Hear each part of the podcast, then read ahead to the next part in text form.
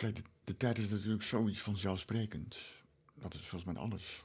Dat je bijna vergeet dat het, uh, elk menselijk handelen, of de onderliggende structuur van elk menselijk handelen, is de tijd. Je, je, al, het begint met negen maanden zwanger zijn. Dan kom je er binnen 24 uur kom je eruit.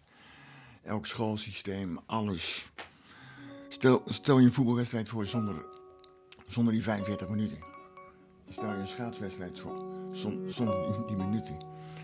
Dus het gevaar is dat het zo vanzelfsprekend is. Dat je daar niet bij nadenkt.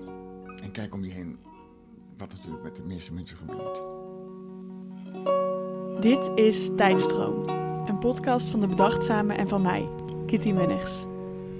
Aan de rand van Maarsen, aan de rivier de Vecht, ligt Doornburg. Een buitenplaats die al bestaat sinds de 17e eeuw. In de jaren 60 werd hier een klooster gebouwd en daar, in het voormalige bibliotheekkamertje, spreek ik met makers, schrijvers en kunstenaars. Hoe beleven zij de tijd? Want de tijd houdt ons bezig, laat ons wachten en brengt ons inspiratie. In deze aflevering is Job Koelewijn aan het woord. Job is conceptueel beeldend kunstenaar. Hij werkte aan talloze kunstprojecten in binnen- en buitenland. En de reflectie, tijd en bezinning staat centraal in zijn werk. Met Job spreek ik over poëzie, over het nemen van de tijd, de kracht van kleine stapjes, routine en herhaling, over ouder worden, appels laten rijpen en het duwen van de rivier. We beginnen dit gesprek met een vraag die we aan alle gasten stellen. Wanneer werd tijd voor het eerst voor jou tastbaar? Ja, dat is eigenlijk een. Uh...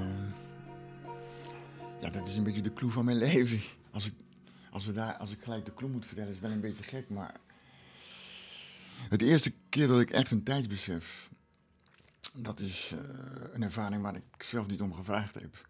Maar plotseling lag ik op straat. Twee dagen later uh, lag ik op intensive care. Ja, toen heb ik uh, drie maanden en twee dagen aan de beademing gezeten. Ja, dat was natuurlijk. Ja, toen kreeg ik het idee van tijd. Ik werd niet alleen bewust, omdat het. Er was een totale vorm van overgave. En ik had ook geen keus. Maar daar. Ja, ik was toen. ja, ik was toen 21. Dus alles wat zo belangrijk was en alles waar ik altijd zo druk mee was, ja, dat bestond niet meer. Want ja, ik, zat op de bodem van mijn bestaan en ik kon geen eens meer ademhalen. Dus daar werd dat besef van tijd doordrongen. En, en drie maanden later had ik nog een keer een verschrikkelijk besef van tijd. Want ik ben zes maanden, twee dagen en drie uur gevoerd. Als een, uh, omdat, ik mijn armen niet kon bewegen. Dus de eerste keer, dat was in de zomer toen ik zelf kon drinken. Gewoon, ja, dat was zo'n fenomenaal gevoel dat ik zelf kon drinken. Ja, dat ik. Uh, toen wist ik ook, ja, dat zal ik nooit meer vergeten. Maar ja, zo'n eenvoudige handeling.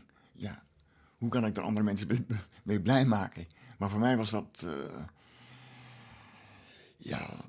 En die ervaring hebben me eigenlijk ook nooit meer losgelaten. Dus, uh, maar dat was eigenlijk het idee van tijd werd voor mij toen helemaal omgedraaid. Dus ja, dat is ook een beetje de clue van mijn leven. Dus.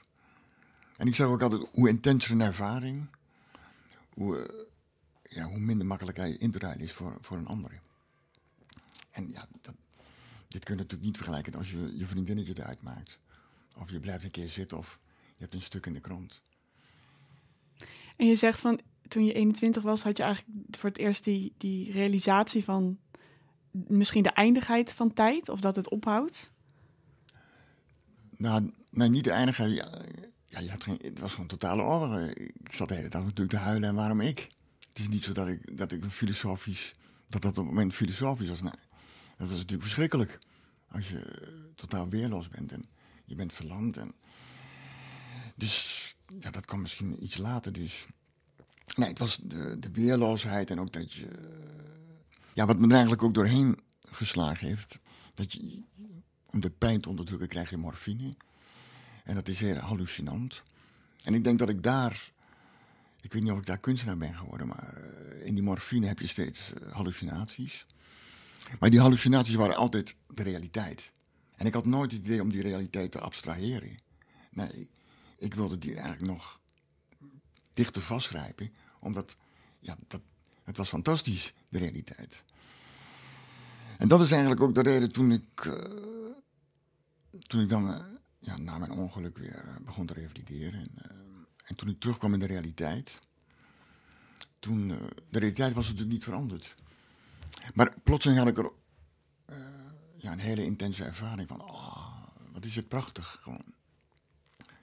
Ik was natuurlijk verlamd, ik had ook een soort vervoering van in leven zijn, zonder enige aanleiding. En ik kon het helemaal niet, daarvoor had ik dat misschien ietsjes. En ik kon het helemaal niet duiden. Maar het was wel, ja, het gaf me een soort energie en kracht. Die, uh, ja, dat was eigenlijk voor mezelf nieuw. Uit dat gevoel komen eigenlijk bijna alle werken voort. En, ja, en dat is een beetje de basis van mijn kunstenaarschap. Dat ik, er, dat ik me daar steeds aan refereer. Aan de realiteit. En, en waar lag dan voor jou dat kantelpunt? Want je zegt, ik lag eerst in bed te huilen en volledige overgave. En dan opeens het een soort, klinkt als een mooie ervaring. Niet, niet opeens, niet opeens. Maar ik ben nog heel goed, want ik, ik, ik zat drie maanden op, uh, aan die beademing. En de dokter zei toen van, je longen zijn sterk genoeg. Uh, morgen gaan we, vallen twee minuten dat apparaat eruit. En dan ga je zelf leren ademhalen. Dus ik was natuurlijk super blij. Dus de zuster zette het apparaat uit. En plotseling begon ik heel snel te ademen. En ik, oh, dus ze zetten het apparaat weer aan. Smiddags nog een keer proberen. Dat ging zo drie dagen, maar die zuster was misschien te lief. Dus ik weet nog heel goed, er kwam broeder Jozef. Man had een baard, een hele ferme man. En die zei, meneer Koelewijn, uh, morgen kom, ga ik dat apparaat weer uitzetten om 11 uur. En je gaat, morgen ga je drie minuten ademhalen. Adem in, adem uit. En natuurlijk, ja, toen, die drie minuten lukte toen. En dat was, ik kon natuurlijk niet praten, maar dat was al een soort zegentocht. Dat ik drie minuten kon, zelf kon ademen. En uiteindelijk werd die drie minuten werd tien minuten. En die tien minuten werd een uur. En ja, dat was verschrikkelijk zwaar om weer te leren, leren ademen. Maar voor mij was dat eigenlijk een heel natuurlijk proces. Omdat ik, ja, ik kwam vanuit, vanuit het niets. Dus die totale overgave. Dus dat was eigenlijk al, hoe gek het ook klinkt. Na, na twee weken was, was ik sterk genoeg dat die, dat die buis eruit kon. En toen was mijn familie. En ja, dat was mijn eerste overwinning. Van, uh, ja, ik heb een stap gemaakt. Terwijl ik toen nog onder de zon... Dus ik was eigenlijk nog niks. Maar het was al een stap terug. Of een, een stap voorwaarts. En later in het revalidatiecentrum, toen ben ik... Ja, gradueel ben ik... Ik, ik zat er... Uh, ja, de prognose was een rolstoel. En uiteindelijk ben ik er dan ja, wel met een rolstoel, maar ook lopend uitgekomen. Ja, dat, dat was ook al een klein eh, medisch wonder. Dus dat, is meer, dat waren allemaal kleine stapjes.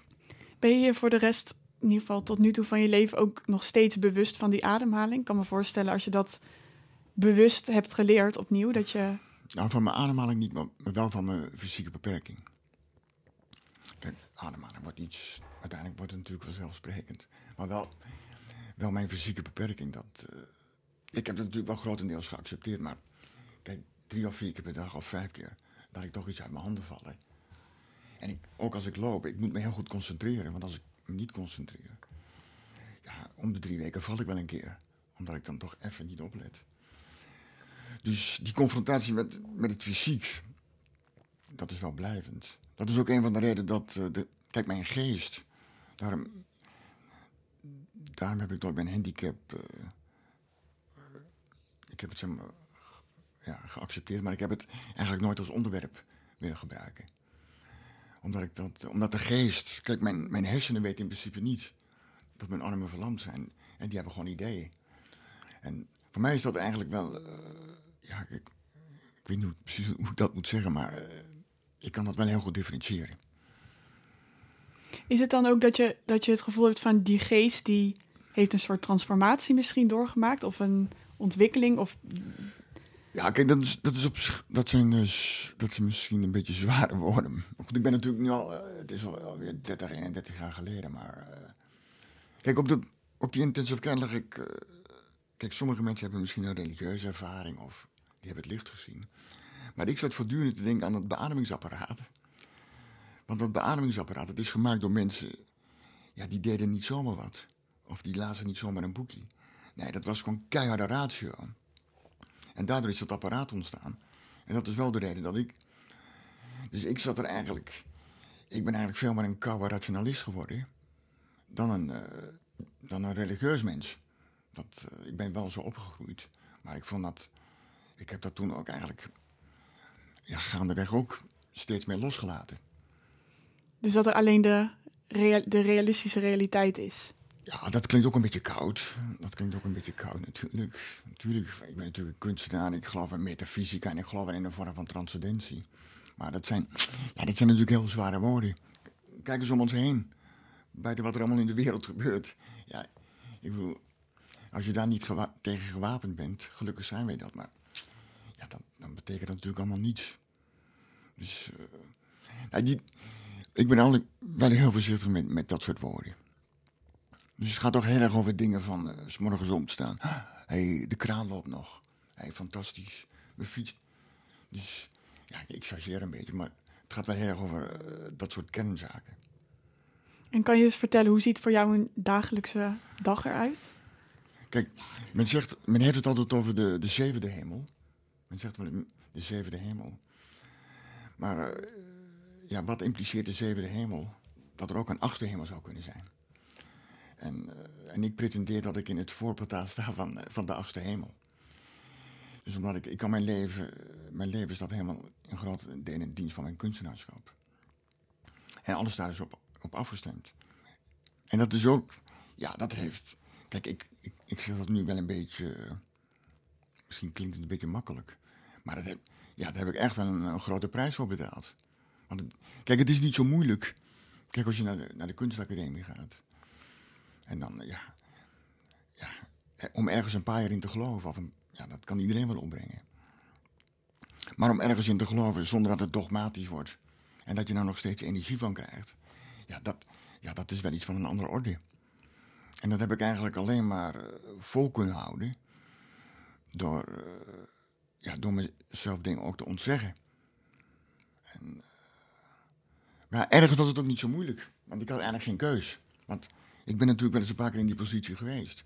Maar dan voelde ik me heel erg van... Ja, het klopt niet, zelfs toen ik kinderen had. Eh, ja, ik, ben, ik ben van nature geen family man. En, ik, en die kinderen voelden dat ook. En dat... eh, ja, dat was eigenlijk... Ja, dat is, was geen makkelijke beslissing. Dus je voelde eigenlijk van binnen van, hé, hey, ik heb niet echt een keus. Als in, dit is, dit is wat ik moet doen misschien. En daarvoor heb je soort grenzen moeten stellen van dit wel en dit niet. Ja, Maar dan zonder dat het dogmatisch wordt. ja dat, dat, en dat natuurlijk is het een vorm van dogma in mijn werk. Eh, nee, maar ik probeer daar wel alert op te zijn. Ook dat je... eh, Kijk, ik denk dat iedere kunstenaar, of ieder mens weet echt wel bij zichzelf... Kijk, die energie, die, kijk, die energie moet stromen. En eigenlijk moet je, wat je als mens doet, je gaat er steeds zelf voor staan. Maar eigenlijk moet je jezelf steeds eh, ertussen uithalen en gaat die energie harder stromen. En ze zeggen wel, naarmate je ouder wordt, krijg je minder energie of word je rustiger. Ja, ik heb nergens last van. Ik word onrustiger en ik, ik, heb nog, nou, ik heb echt meer energie toen ik, toen ik jonger was. Omdat ik toen met, nog veel meer met randverschijnselen, dat ik die belangrijker maakte. Dus in die zin is ouder worden, is dat eigenlijk, eh, ja, het heeft ook iets verschrikkelijks. Maar het heeft ook iets, het heeft ook iets heel moois. En dat, zo zou het toch eigenlijk ook moeten zijn. Dat het makkelijker wordt om het te laten stromen. Ja, dat, eh, ja, dat het makkelijker wordt. Of dat je, tuurlijk begrijp je dingen beter. Maar het is natuurlijk ook, zeker we leven nu in een maatschappij waar ouder worden. Dat, ik ken al mensen die eh, van mijn leeftijd, die denken al aan een pensioen en die zijn al aan het afbouwen. Ja, en door die ervaring met het ongeluk en door het, eh, ben ik daar altijd toch heel erg alert op van, eh, ja, wat, is, wat is nou echt belangrijk? En, en dat is, is een blijvende toetsteen. Kijk, Kijk, James Joyce en, eh, noemt zo'n ervaring. Dat je, die noemt dat een epifanie. Dus dat je plotseling een soort. pff, je bent even los van de wereld. En, en als dat echt is, dan komen die, komen die steeds terug. Die momenten. Ja, en de boeddhisten met een heel, die noemen dat een satori, een soort verlichtingsmoment. En ik heb er jaren later heb ik er wel eens met twee boeddhisten over gesproken. En, eh, en die zeiden mij, eh, want met meditatie is dat heel moeilijk te krijgen, want dan is het artificieel. Maar die zeiden, ja, ik neem aan dat je dat echt, ge- echt ervaren hebt. En die zeiden, als je dat echt ervaren hebt, komt dat steeds terug. En dat klopt. Dat is een soort verslaving. En dat, ja, dat, dat klopt echt, ja. En, en wanneer komt dat dan terug bij jou of voor jou? Ja, dat komt terug misschien uh, ja, één of twee keer per jaar.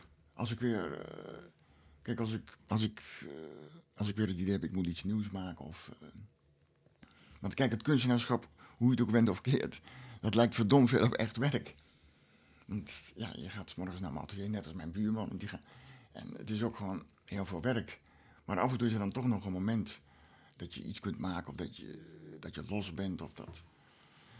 Dus kijk, die, die momenten zijn niet echt uh, te traceren, maar het is wel een beetje zo. De, elk nieuw werk, of een, als ik een nieuwe, uh, iets nieuws uitprobeer, dan is er wel zo'n moment van uh, dat ik dan op bed lig. of dat ik dan. ja, dan heb ik zo'n zo soort moment.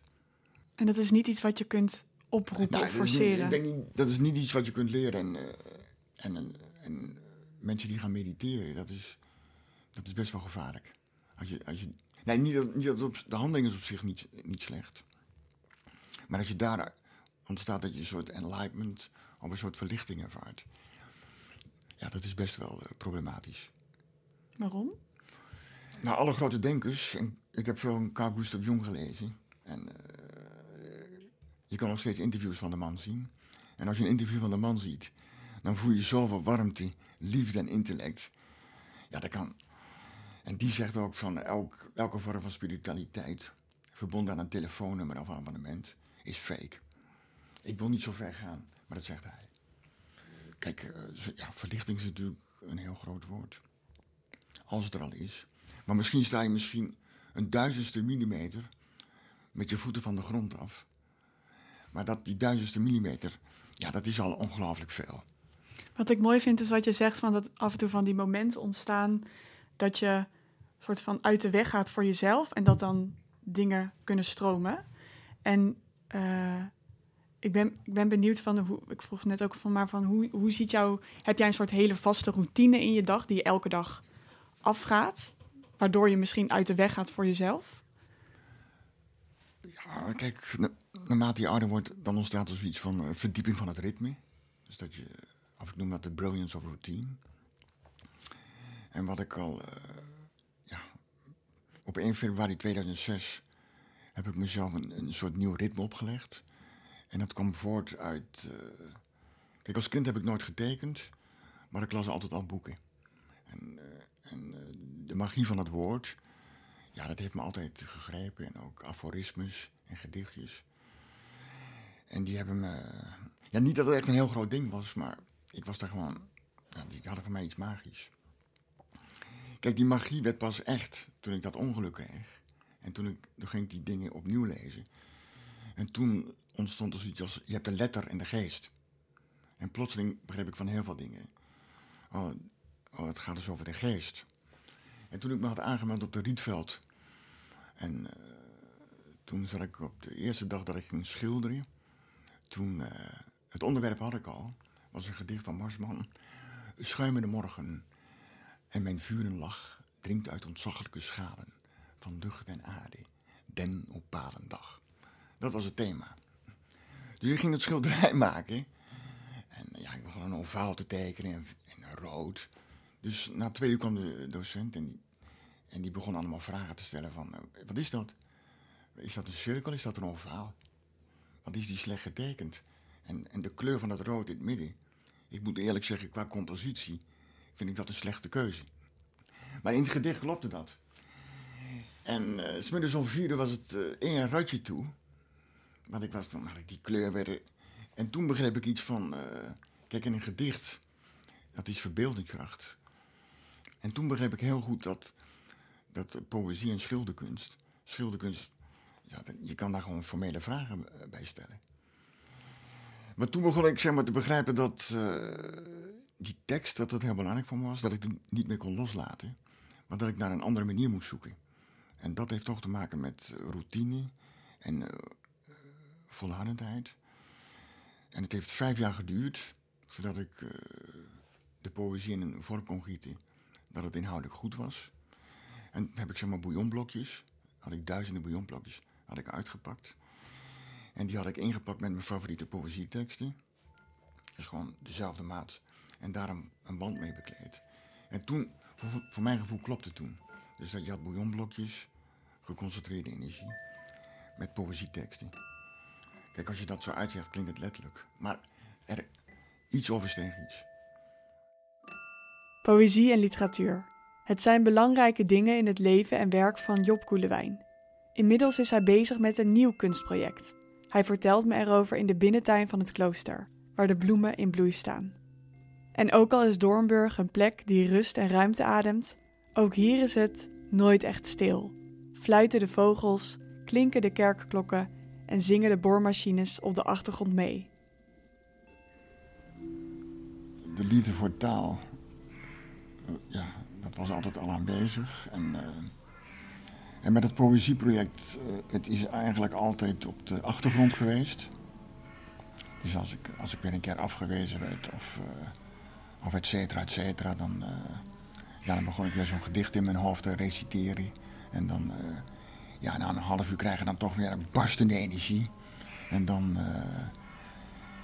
ja, het was een soort, een soort backup. En die backup in al die jaren, die, het idee is om dat nu naar de voorgrond te brengen. Dus om die 21 gedichten voor te dragen. En dat duurt ongeveer 22 minuten en 30 seconden. En dat dan te delen met mensen. Ik, ik zal wel één gedicht doen, wat een uh, belangrijk gedicht is. En uh, dat gaat als volgt. Even kijken.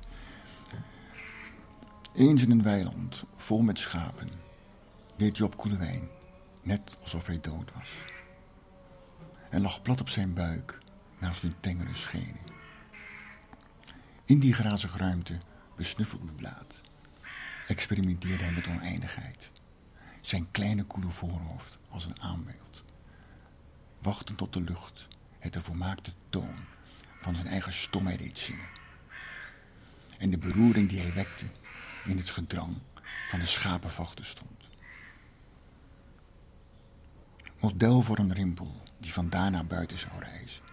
En 40, 50 jaar later nog diezelfde rimpel binnenin hem was. Uh, mijn zus was erbij. Ze zei dat ik op hand en voeten kroop. Wilde op gelijke hoogte met de ooien zijn. Met hun geesteloze blik.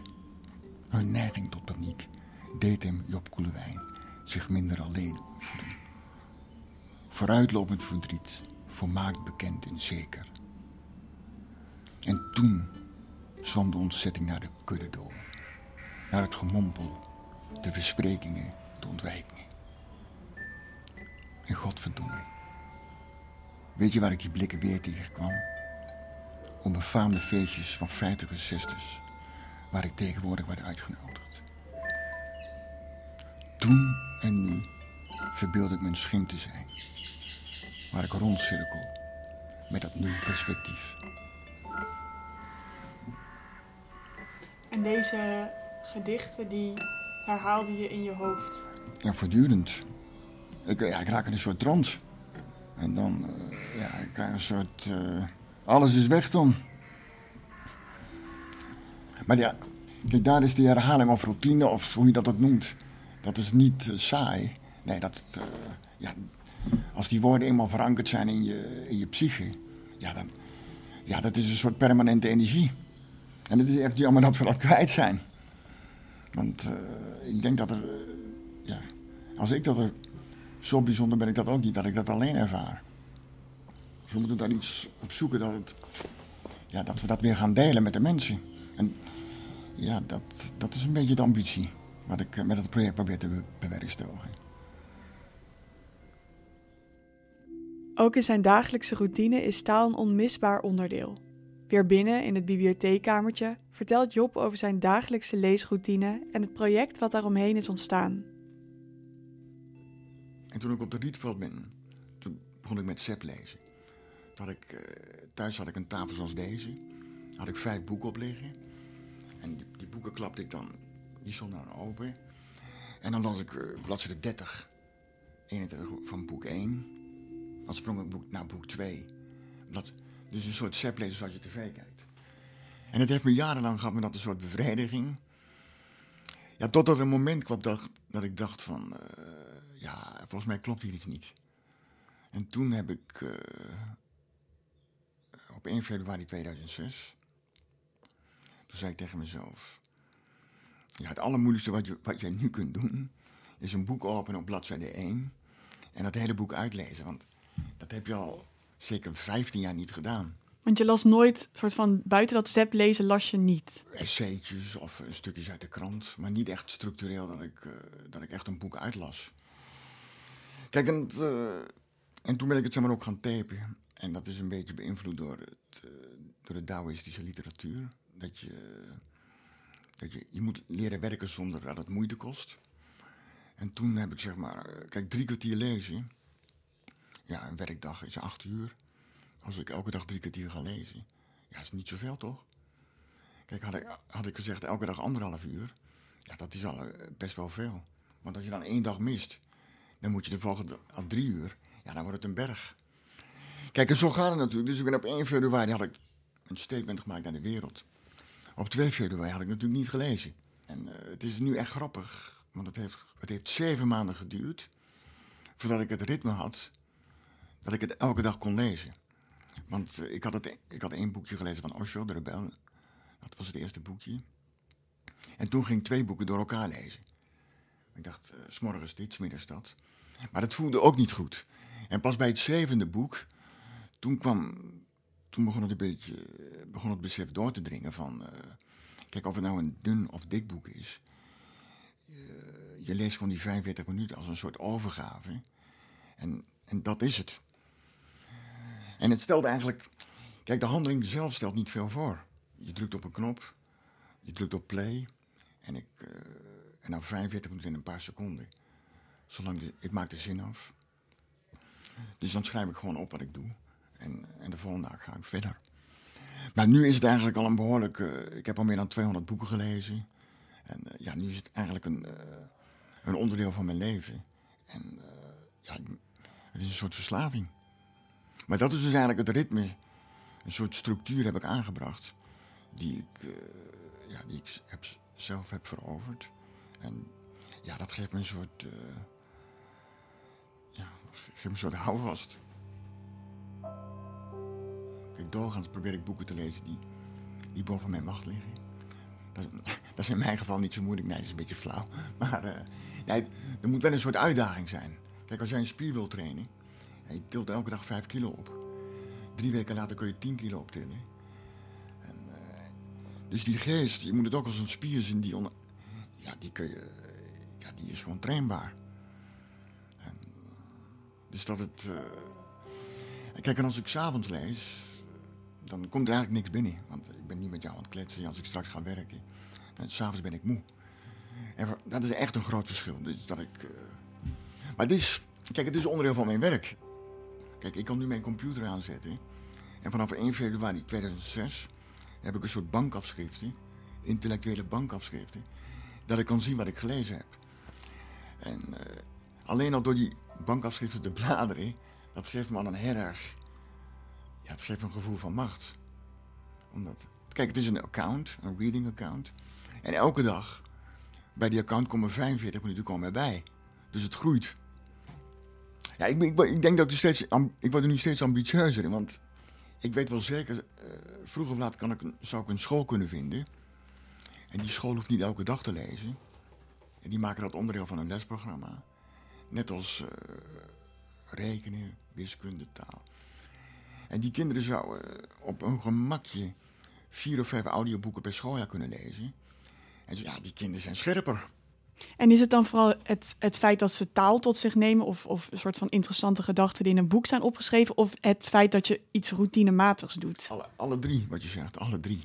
Ieder, ieder mens zou een reading account moeten hebben. En het schijnt ook dat uh, iemand heeft onlangs een artikel geschreven. En ook, dan komt dat lezen natuurlijk ook te sprake. Maar het schijnt ook dat uh, hardop lezen, omdat je er in het begin niet aan. Maar ja, dat komt beter binnen bij je hersenen. Dat is een van de redenen dat. Uh, dat had ik ook gelezen bij de, de boeddhisten.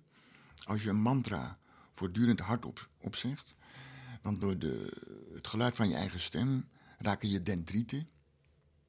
Dat zijn je uiteinden van je, hersen, je hersentakjes. die eh, raken door die trillingen, door die routinematige handeling, die raken beter door bloed. En die doorbloeding van die dendrieten, dat is, dat is geen eh, onzin. Ja, die geven je een beetje, die maken een stofje vrij, waardoor je dus het, eh, waar je een soort blijheid ervaart. Dus als ik 's morgens lees, dan voel ik een soort, een soort, eh, ja, een soort eh, blij gevoel of een soort energie. Maar niet door drugs, maar meer door iets wat uit mijn eigen lichaam is gegenereerd. Dat maakt het, ja, dat is ook een van de redenen dat ik niet kan stoppen. Omdat het, eh, het heeft iets heel verslavends. Het is gewoon, dat heeft misschien meer te maken met mijn handicap. Kijk, ooit was ik zo verlamd. Dus het is ook een handeling die ik zelf kan. Ik kan zelf op een knop drukken. Ik kan mijn eigen stem gebruiken. Het is niks. Iedereen kan het. Kijk, om een mooi kunstwerk te maken heb je nog talent nodig. Maar om op een knop te drukken, een cassettebandje en een digitale recorder en iets op te lezen, ja, daar heb je, dat kan iedereen. Dus dat, dat is ook bevrijdend. Dat je dan niet, eh, ik ga 's morgens niet, ik moet mijn talent aan, aan, aan om, om, om, om die juiste lijn te zetten. Dat is, het heeft iets heel bevrijdends. Ik zet elke dag een klein stapje. Wat een heel Taoïstisch. eh ben je een lange reis? Denk niet aan de lange reis. Zet elke dag een klein stapje. Dus in die zin is dat, eh, is dat een soort letterlijke vertaling ervan. Maar als je zo'n paneel ziet. Kijk, over zo'n paneel lees ik drie jaar, gemiddeld drie jaar. En er zitten dan dertig boeken op. Maar als ik tegen jou zou zeggen. Jij moet, al, jij moet dat paneel binnen vier weken lezen. Ja, dat is, dat is een hel. Omdat je dan. dan dus, dus de tijd heb ik eigenlijk helemaal omgedraaid in dat werk, in het lezen. Dus het is helemaal. eh, dat boek wordt bepaald door eh, die 45 minuten en het aantal bladzijden. Maar niet dat iemand tegen mij zegt. Over twee weken. Kijk, dat zeg je ook niet tegen de appelboom. Je gaat niet tegen de appelboom zeggen van. eh, over drie weken moet, moet, moet die appel rijp zijn. En dat is ook een onderdeel van mijn kunstenaarschap. Dat kan ik me nu ook veroorloven. Dat, dat ik de werken langzaam kan laten rijpen. Omdat het uiteindelijk. Kijk, niemand kijkt naar een kunstwerk aan de muur en zegt: hé, hey, het was een week te laat klaar. Of, eh, of het was over tijd. Terwijl in, het, in de praktijk is dat wel een. eh, als ik een tentoonstelling bij een galerie heb, dan, dan moet het natuurlijk klaar zijn. En dat zijn allemaal dingen die je later in je kunstenaarschap. ga je opnieuw tegen het licht aanhouden. En kijken, ja, klopt dit wel? Maar je zet elke dag een klein stapje in een, in een grotere reis. Zonder dat je misschien specifiek weet waar, waar, wa- Er is geen einddoel, want er is ook geen deadline. Nee, er is geen deadline. Ja, de deadline zijn als ik mijn laatste adem uitblaas. Maar de deadline is natuurlijk dat je ja, een klein beetje steeds aan het slijpen bent. Bestaat er voor jou zoiets als tijd verspillen? Nou, een groot deel van mijn kunstenaarschap is wel ja, ja, heel veel niets doen. Door mijn handicap moet ik, ik moet gewoon smiddags rusten, dus ik moet liggen. En eh, ze zeggen ook, eh, kijk, dat is het begin van het kunstenaarschap, dan ga je de rivier duwen. Want eh, je hebt zeg maar, op de academie begint het al. Je hebt bijvoorbeeld op dinsdag schilderles. Kijk, smiddags om vier moet je meesterwerk hebben gemaakt, bij wijze van spreken. Of die tekening moet af. En dat is eigenlijk, je bent dat aan het duwen. En toen dacht ik, oh, ik heb geen talent. Het lukt vandaag niet. Omdat je aan het duwen bent. Maar zo werkt het natuurlijk niet. En dat is een van de dingen die... eh, heel veel mensen komen nooit op dat punt. Om, om, dat je gaat luisteren. Daarom werk ik ook al... Ik werk altijd aan zes dingen tegelijk. En in het begin dacht ik... Ja, ben ik dan zo'n waarhoofd? Of ja, klopt dat wel? Maar dat is... eh, kijk, ik ben nu met jou in gesprek. Maar kijk, als ik nou als ik jou nu constant ga pushen, je moet dit vertellen, of ik, je moet nu vertellen wat er met je omgaat. Ja, dan denk je, wat een vervelende gast. En zo, maar als ik, we zijn nu leuk aan het kletsen. En zo ga ik ook al met mijn werken. Dus ik verander iets, leg ik het weg. Ah, dit zit niet goed. Eventjes een ander broekje aantrekken. Eventjes haar naar links komen. En dat is eigenlijk een... eh, Dus in die zin ben ik constant aan het communiceren met het werk. Als ik maar niet aan het duwen ben. Wat ik al net zei over de, dat je niet de appel van de boom trekt. Omdat, je, omdat jij denkt dat dat wil. Maar geloof me, het is een moeilijk proces. Want je moet echt de tijd nemen. Ja, je moet het, ja de, tijd nemen is heel letterlijk. En, eh, en dat is natuurlijk wel het leuke van ouder worden. En dat je dan ook dat, die dingen accepteert. Dus die acceptatie van die, eh, ja, misschien van wie je bent. Of, kijk, het eigenlijke, dat is eh, om dat te ontdekken. Ieder mens heeft dat eigenlijk, hè. Maar om dat te ontdekken, ja, dan moet je toch wel in de diepte van je eigen grot. En dat is heel moeilijk. Daar is moed voor nodig om dat... Ik denk ook niet, als ik, mijn, als ik die ervaring met dat ongeluk... dan had ik nooit die, eh, die onvoorwaardelijkheid gehad. Om, eh, ja, ik heb geen keus. Ik moet in het diepe springen. En, eh, dus in die zin is, dat, is dat ook een soort geschenk. De voorzienigheid zei van... je hebt 21 jaar zo gelopen, dwarrelen. Jij wordt opgepakt, bang. Nu ga je op dit spoor lopen. En daar ben je nooit meer vanaf gebracht. Nee, nee, ik, eh, ik, nee, ik ben nu... Het is niet meer verankerd. verankerd. Ben je heel erg bezig met eh, de eindigheid van het leven?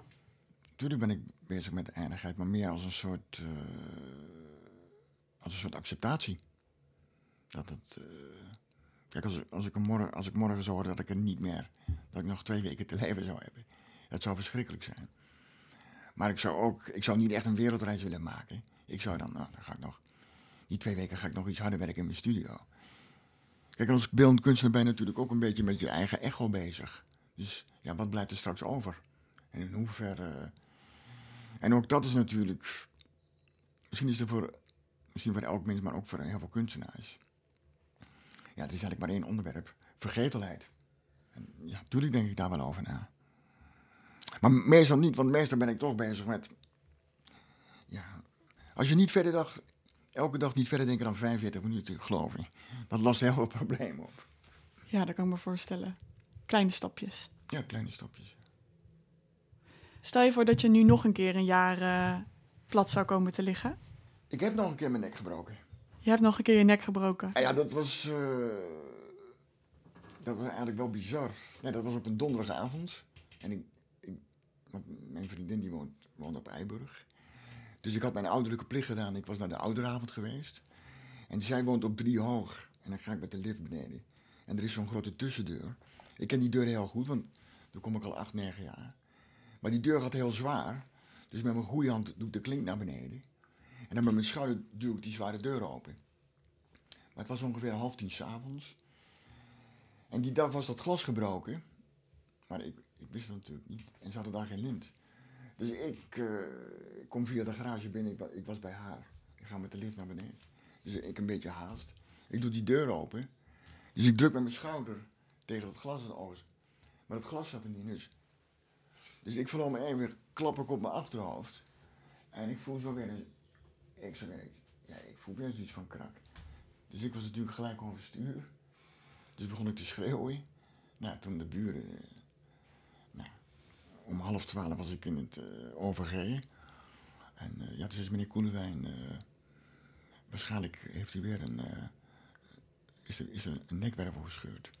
En ik was al de tijd maar aan het huilen. En, en ja, toen kwamen ze 's morgens om half zes... kwamen zo vier van die doktoren op mijn bed staan en zeiden... meneer Koenewijn... ja, de, er is weer een, fractie. Er is weer een, een gescheurd, maar het stolsel is, of het, het is gestold. Dus eh, ja, we kunnen nu wel zeggen, eh, u heeft geen functieverlies. Maar u moet wel weer drie maanden plat liggen met een, eh, met een brace. Nee, nee, maar ik moest toen huilen van geluk. Omdat ik, ja kijk, functieverlies had ik niet echt getrokken. En toen, dus, dus geen functieverlies, alleen maar drie maanden plat liggen. Ik zei, ja, ja, prima. Dus toen heb ik eigenlijk drie maanden plat gelegen. Maar het was wel grappig, want... nou, het was eigenlijk niet grappig. Want ik heb drie dagen op neurologie gelegen. Donderdag, vrijdag, zaterdag, zondagavond, ja. Op zaterdagavond eh, wordt er een meisje binnengebracht. Ja, ik, ik hoor natuurlijk van die zaterdag. Ja, het meisje was ook 23, studenten. En die was van een fiets gevallen. En die had ook een dwarslezing, maar helemaal gescheurd. Dus op maandagochtend kwam de neuroloog naar me toe.